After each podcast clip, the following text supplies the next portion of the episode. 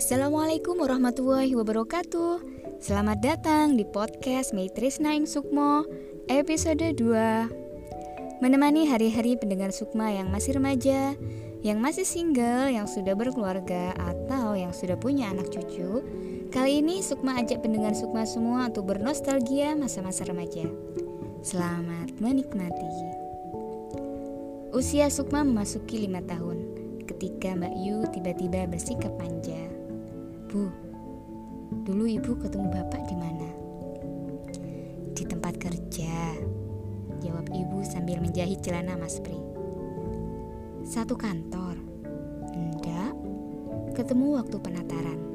Oh, Mbak Yu pindah duduk ke atas kursi dekat ibu sambil menonton TV. Pripun, Mbak? Bapak duduk di samping Mbak Yu, mengambil secangkir kopi di atas meja dan menyeruputnya. Siapa? Tanya bapak. Masih dengar secangkir kopi di tangan.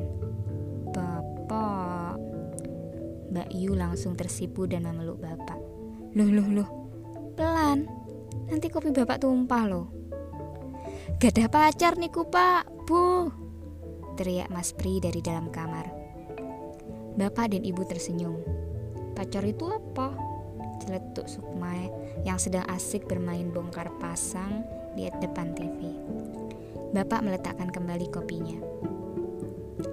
Ya, bercerita tentang cinta memang tidak ada habisnya. Entah ada berapa banyak skenario percintaan yang diciptakan oleh Sang Maha Pecinta.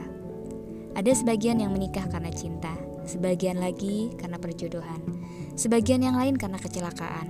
Karena terdesak kanan kiri sudah menikah, bahkan ada yang tanpa tujuan, tanpa alasan, sama-sama suka, ya udah nikah aja. Seperti kisah bapak. Kalau nikah sama aku, mau nggak? Sri terdiam, mengangguk, tersipu. Lalu membuka tutup cangkir kopi yang baru ia suguhkan.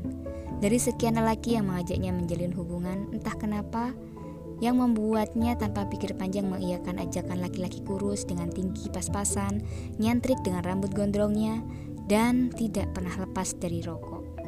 Ya, sesederhana itu. Paling ibu takut sama bapak. Sembarangan. Emang bapakmu hantu? bapak tertawa mendengar ibu sewa dengan ucapan Mbak Yu. Terus, kok tiba-tiba ngajak nikah padahal nggak pernah pacaran? Ibu juga, iya-iya aja, akrab juga enggak. Takdir, Nduk. Kalau sudah takdir, ya gitu.